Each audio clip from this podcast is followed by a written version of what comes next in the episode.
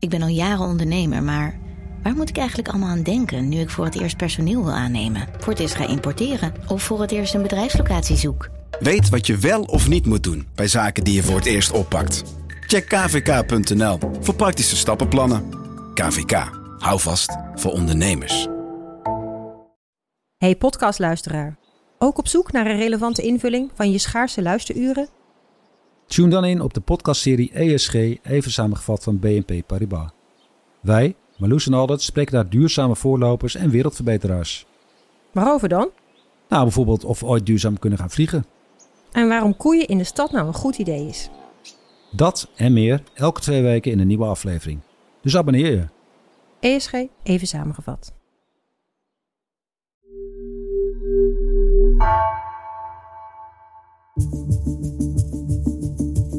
Vanaf de redactie van NRC het verhaal van vandaag.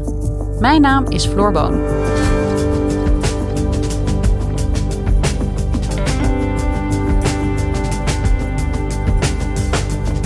Geen dino's, geen kermis en geen Harry Potter.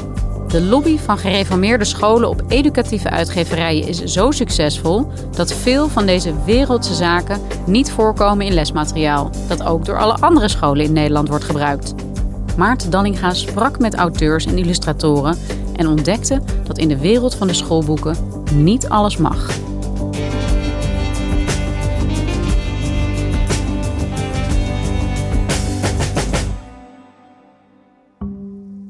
Ik was bij Margot Westerman. Zij is illustrator en vormgever van boeken. Eh, in Utrecht, daar heeft ze haar atelier in een oud schoolgebouw. Een paar trappen op. En uh, dan kwam ik binnen. Hallo. Hallo. Hi. Hey. Kom binnen. Dankjewel. Ik zag haar tekentafel vol met stiften en potloden en, en papier en allemaal schetsen. Beetje vies water waar ik mijn kwast in heb uitgespoeld. Um, ja, ik ben een beetje met de gemengde techniek bezig. Dus uh, daar, ja. Dat betekent? Nou, dus dat ik, dat ik en met, met inkt en met stift en met potlood door elkaar werk. En zij werkt nu onder meer aan een lesmethode als illustrator voor Malmberg, een grote educatieve uitgeverij in Nederland. Het gaat om taalactief, heet de methode. Het zijn verschillende boeken, onderdelen van die lesmethode. En daar werken heel veel illustratoren aan. En voordat ze echt begon met het werken daaraan, kreeg ze een mail van Malmberg met een heel document met allerlei uh, details over waar ze als illustrator zich aan moet houden. Zowel wat betreft uh, vorm, uh, kleuren, hoe, het, hoe je het moet aanleveren. Maar er stond ook een heel lijstje in met richtlijnen. En toen ze dat zag. Ja, toen viel ik eigenlijk wel van mijn stoel van verbazing uh, hoe, hoe ver dat ging. Richtlijnen die duidelijk maken wat je vooral niet mag, eigenlijk als illustrator in dit geval. Um, wat je niet mag afbeelden. Dit staat letterlijk dus in, in de richtlijnen van Malmberg. Negatieve, dubieuze benadering van zaken als God, geloven, naar de kerk gaan, sterven, verhalen uit de Bijbel, etc. Ver doorgevoerde vormen van vermaak, circus, kermis, disco, carnaval. Woordgebruik, dubbele punt, vloeken, schelden, schuttingtaal, ruwe woorden als kop en stom. Strijdigheid met bijbelse waarden en normen. Discutabele theorieën, dubbele punt, evolutie. Astrologie, horoscopen, waarzeggen, toveren en New Age. Auteurs en illustratoren krijgen opgelegd, impliciet of expliciet vaak ook, om wereldse zaken tussen aanhalingstekens, als de kermis, carnaval, make-up, korte rokjes, uh, te vermijden. Te veel nadruk op consumptief leefgedrag. Make-up, sieraden, opzichtig of frivole kleding. Geen bloot, naveltruitjes, blote schouders. Spoken, geesten en draken. Pokémon mag niet. Harry Potter is dus niet geschikt. Ja, decadente kunstuitingen zoals dans, toneel en film. Ver doorgevoerde vormen van emancipatie, dat kan niet. Een vrouwelijke predikant ligt erg gevoelig. Politica, vrouwelijke burgemeester en een buschauffeur, die vrouw is, kunnen weer wel. Hey Maarten, dit gaat dus over een taalmethode. Uh, Margot Westerman, zeg jij net, die werkt aan een taalmethode. En dit geldt voor gewoon onderwijs, niet voor godsdienstig onderwijs of zo. Iedereen die nu luistert en een kind heeft op de basisschool, ieder kind uh, kan hiermee in aanraking komen in principe. Het gaat dus om een taalmethode die breed wordt gebruikt op allerlei soorten scholen. Jij bent dit gaan onderzoeken. Wat heb jij ontdekt? Dat het uh, algemeen zo is, daar ben ik achter gekomen, dat bij educatieve uitgeverijen uh, richtlijnen gelden waar auteurs en illustratoren zich aan moeten houden. Dus het gaat niet alleen om Malmberg, maar het gaat ook over andere uitgeverijen, zoals Zwijze, Noordhof, Tieme Meulenhof en ook kleinere uitgeverijen. Dat het eigenlijk gewoon gemeen goed is in de uitgeverswereld. Het gaat dus enerzijds om plaatjes en praatjes, uh, verhaaltjes om lesstof uit te leggen. Anderzijds gaat het ook om echt de inhoud van de lesstof. Dan heb je het vooral over de zaakvakken. Daar valt bijvoorbeeld aardrijkskunde onder of geschiedenis. Ook uit de richtlijnen van Zwijzen over de evolutietheorie. Citaat. Als je aandacht besteedt aan de evolutietheorie, vermeld dan ook het creationisme erbij of ernaast, of zorg dat het onderdeel eenvoudig overgeslagen kan worden door protestants-christelijke scholen. En dan staat er tussen haakjes: gebruik het niet in werkboeken. Hoe ben je eigenlijk te werk gegaan om dit uh, allemaal boven tafel te krijgen? Het verhaal begon met één tip. En ik dacht meteen, huh, bestaat dit? Ik was verbaasd. Toen ben ik erin gaan duiken. En uiteindelijk heb ik gesproken met uh, acht zelfstandige auteurs en illustratoren. En, en hun bevindingen worden ondersteund uh, door zeven anderen die een online enquête invulden, die, die ik heb verspreid. En uh, daarnaast heb ik ook allerlei documenten, vertrouwelijke documenten ingezien. En hoe komen deze richtlijnen tot stand? Wie maakt die? De richtlijnen die worden gemaakt door de uitgeverijen. En als je dan gaat uitzoeken hoe die tot stand komen, dan valt op dat de reformatorische lobby, dus dan bedoel ik de streng christelijke scholen, dat die een hele dikke vinger in de pap hebben. In Nederland zijn er ongeveer 200 reformatorische basisscholen. Dat is maar een heel klein deel van het totaal. Maar toch heeft dat deel een hele grote invloed. Is zelfs geprofessionaliseerd. Er is in het najaar van 2020 zelfs een organisatie opgericht die zich mede hierop uh, richt. Op het uh, lobbyen bij uitgeverijen voor uh, de reformatorische stroming. Hey, en om een beeld te krijgen van hoe dit werkt in Nederland. Hoeveel educatieve uitgeverijen heeft Nederland? En hoe steekt die wereld een beetje in elkaar? In Nederland zijn er ongeveer 20 educatieve uitgeverijen, waarvan er vier echt de grootste zijn. Dat zijn Malmberg, Zwijze, Tieme Meulenhof en Noordhof. Die maken het grootste deel van de educatieve boeken voor het basisonderwijs. Er gaat jaarlijks ongeveer 100 miljoen euro in om. Het zijn natuurlijk gewoon commerciële partijen. Maar die dus een heel belangrijk onderdeel vormen van het onderwijs dat honderdduizenden kinderen in Nederland krijgen.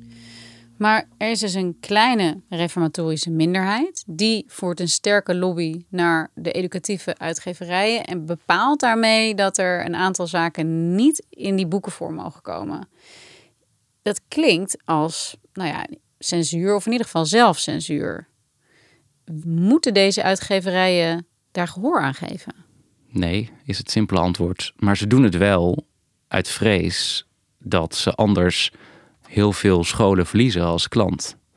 En in dit geval geldt heel erg wat je niet weet, dat zie je niet. Daarmee bedoel ik dat wat je niet weet als leerkracht of ouder, wat is weggehaald of wat de methode niet heeft gehaald, mis je ook niet meteen. Als je er niet heel erg hard op gaat studeren. En hoe zit het met zaken als diversiteit en minder traditionele man-vrouw verdelingen, andere gezinssamenstellingen? Zijn dat ook thema's die worden gecensureerd via die richtlijnen?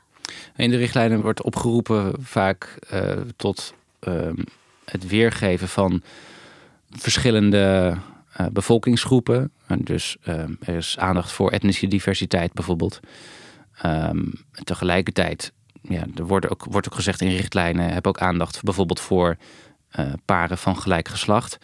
Maar auteurs en illustratoren zeggen ook tegen mij, ja, in de praktijk uh, krijg ik te horen geen aandacht voor homoseksualiteit, bijvoorbeeld. Maar geen homoseksualiteit afbeelden, dat is ook eigenlijk voorbijgaan aan de realiteit die wij hebben in Nederland en in de wereld. Dat is iets anders dan geen heksen afbeelden op een bezemsteel, want die bestaan helemaal niet. Mm -hmm. um, en toch gaan de uitgeverijen ook hierin mee. Margot Westerman zei ook: Ik heb het idee dat uitgeverijen roomser zijn dan de paus. Ehm, dat ze liever dan gewoon geen risico nemen en, en bijvoorbeeld dan homoseksualiteit helemaal weglaten. Zij willen gewoon echt een hele goede methode maken. Het zijn allemaal uh, hele enthousiaste uh, mensen die daar ja, vol vuur voor werken, volgens mij. Uh, alleen het is denk ik een soort mindset van hoe ga je hiermee om? En zij willen ja, toch vanuit commerciële redenen willen zij uh, het iedereen naar de zin maken. En dan denk ik, ja, dat kan gewoon niet. Ja, want zij bepalen dus eigenlijk wat de kinderen in Nederland leren. Maar er zijn toch ook wettelijke eisen waaraan lesmateriaal moet voldoen? Het ministerie van Onderwijs zegt uitgevers zijn vrij in, in wat ze in hun methodes zetten. En waar het ministerie van Onderwijs en waar de onderwijsinspectie naar kijken is... houden scholen uh, zich aan de kerndoelen? Dat is een wettelijke taakomschrijving op hoofdlijnen waar het onderwijs aan moet voldoen. Dan heb je het over dat ze bijvoorbeeld de evolutietheorie moeten onderwijzen. Um, en dat ze op gebied van rekenen en taal van alles moeten bijbrengen. Um, maar daarin kan een school heel erg de eigen accenten leggen. En scholen hebben een burgerschapsplicht. En daarin staat bijvoorbeeld dat scholen um, ruimte moeten maken voor het besteden van aandacht aan uh, het belang van een pluriforme samenleving. Een samenleving waarin je jezelf kan zijn. Uiteindelijk gaat het erom dat de scholen zich houden aan de regels. Dat ze onderwijzen wat ze moeten onderwijzen. Maar de, uitgeverijen zijn niet transparant over het feit dat deze richtlijnen gelden. En dat de Zwijze ook in dit geval heel duidelijk uh, dingen verbiedt.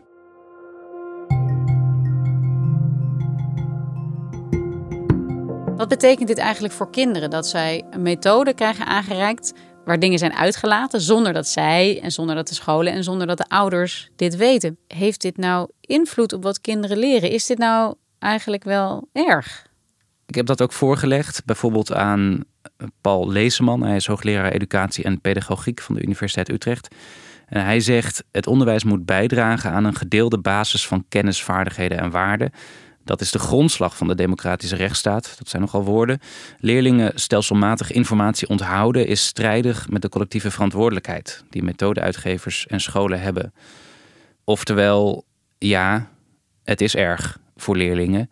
Leerlingen krijgen een minder realistisch beeld van hoe de samenleving in elkaar steekt.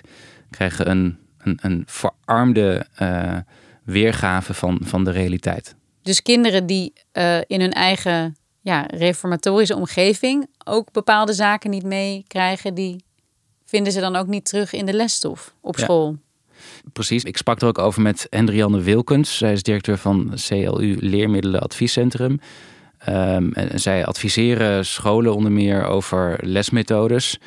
En zij zegt, ja, je moet de wereld laten zien zoals die is. Ja, als ze zich ermee kunnen vereenzelvigen, dan helpt dat wel degelijk. Ja, maar en aan de andere kant moet je natuurlijk er ook voor zorgen dat er juist uitgedaagd wordt dat leerlingen ook juist andere werelden leren kennen dan hun eigen wereld. En tegelijkertijd is het ook een beetje een principe kwestie. Ja, die, die scholen en onderwijsexperts raakt. Um, ze vinden het gewoon ook niet eerlijk dat uitgeverijen hier niet uh, open kaart uh, in spelen. Ja, want dat is natuurlijk ook een kern. Is dat er is een lobby, die is succesvol. Dat gebeurt op allerlei plekken. De uitgeverijen luisteren daarnaar. Daar hebben ze commerciële uh, overwegingen bij. Alleen ze communiceren het niet. Er is geen transparantie over. Wat zeggen die uitgeverijen zelf? Ik heb mijn hele verhaal, wat ik heb geschreven, voorgelegd van tevoren aan de uitgeverijen, de vier grootste. En Zwijzen en Malmberg zeggen: ja, het klopt. Uh, we gebruiken richtlijnen. Noordhof onthoudt zich van commentaar. En Timo Meulenhof houdt zich wat meer op de vlakte. Maar alle uitgeverijen zeggen eigenlijk, die hebben gereageerd. We herkennen ons niet in het geschetste beeld. We vinden het heel belangrijk dat we rekening houden met gevoeligheden die liggen in de samenleving, maar uh, we censureren niet.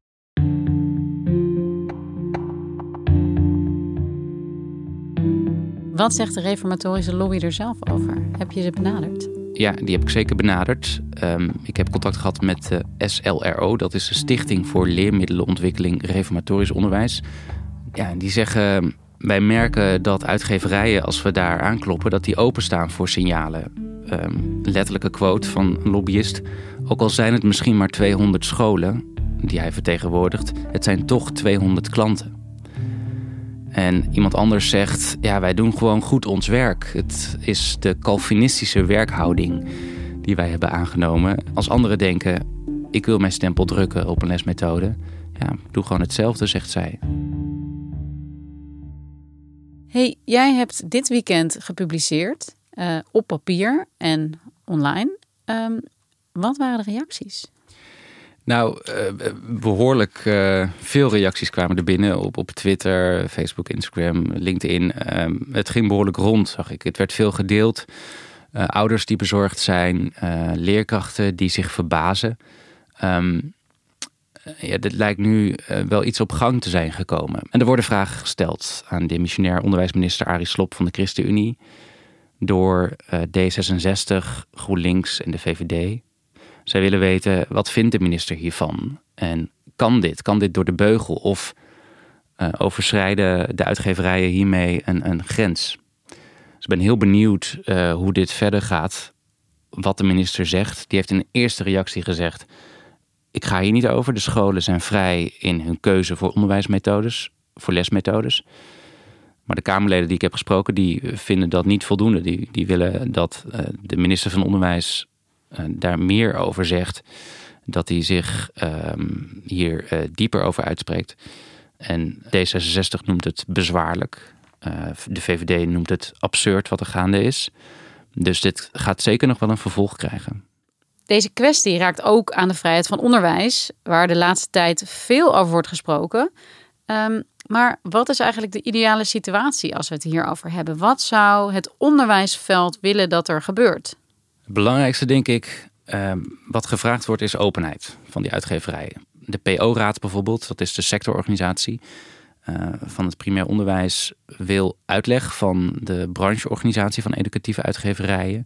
Wil gewoon weten um, wat er gaande is, welke richtlijnen er gelden.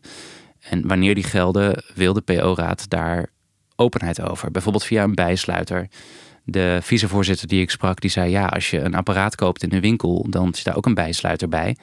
Dat zou hierbij eigenlijk ook moeten. Dat wat er nu gebeurt, dus dat er richtlijnen gelden uh, die uh, zijn ingegeven door de wensen van, van een minderheidsgroep, de streng christelijke.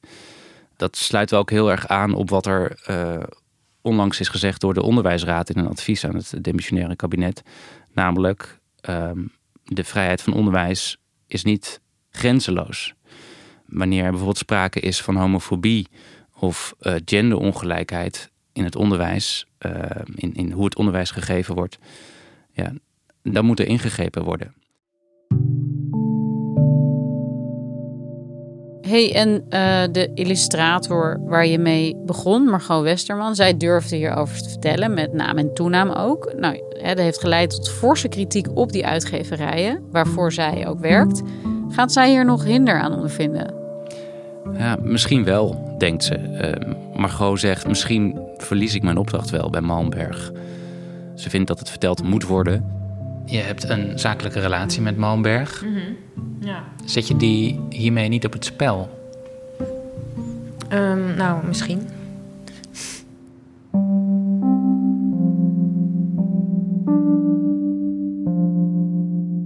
En hoe ging uh, Margot Westerman zelf met die richtlijnen om? Ja, die eigenlijk haar opdroegen om zichzelf te censureren. Ze heeft contact gezocht met haar opdrachtgever Malmberg. Ze is erover in gesprek gegaan. Ze heeft haar kritiek geuit. Gezegd, ja, dit vind ik niet oké. Okay. Waarop Malmberg zei, we laten de richtlijnen vallen voor deze methode. In een mailwisseling die ook door NRC is ingezien. Toen zei ze, nou, we zijn intern in overleg. En uh, dank voor je kritische noot. En uh, we hebben besloten dat het niet meer van deze tijd is. En we laten die normen vervallen. Nou, toen vond ik echt zo mooi. En toen dacht Margot, oké, dan ga ik het doen. Maar in de praktijk bleek er eigenlijk niet zoveel veranderd te zijn. Want gaandeweg bleek, de richtlijnen gelden eigenlijk nog steeds. Uh, ja, kijk, hier is die tekening van dat waslijntje. Maar dan zie je dus um, dat ik een theedoek heb getekend, lege knijpertjes waar die kinderen dus zelf dingen aan kunnen hangen, een, uh, een sokje en een, uh, ja, een BH'tje, een schattig BH'tje eigenlijk wel. Ehm, en, En dat mocht dus niet. en dus die BH is eraf en eh, daarvoor in de plaats heb ik een, eh, beetje uitgelubberde sok eh, getekend. Dus toen heb ik hem wel vervangen. De auteurs en illustratoren die ik sprak, eh, ik hoor het van alle kanten, zijn ook heel blij dat dit verhaal nu naar buiten is gekomen. Want het speelt al jaren en ze hopen dat er nu eindelijk echt iets gaat veranderen. We gaan het volgen. En jij gaat het volgen voor ons, eh, Maarten. Dankjewel.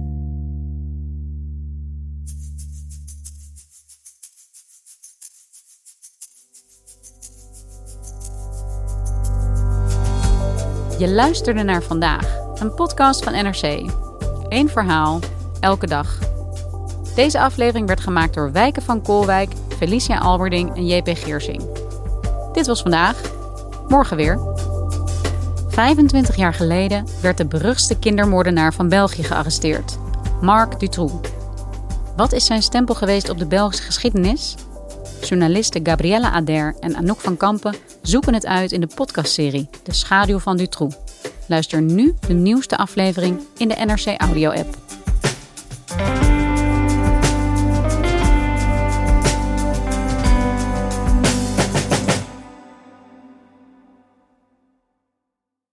Technologie lijkt tegenwoordig het antwoord op iedere uitdaging.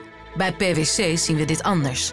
Als we de potentie van technologie willen benutten, kunnen we niet zonder een menselijk perspectief. Human-led, tech-powered noemen we dat. Ga naar pwc.nl.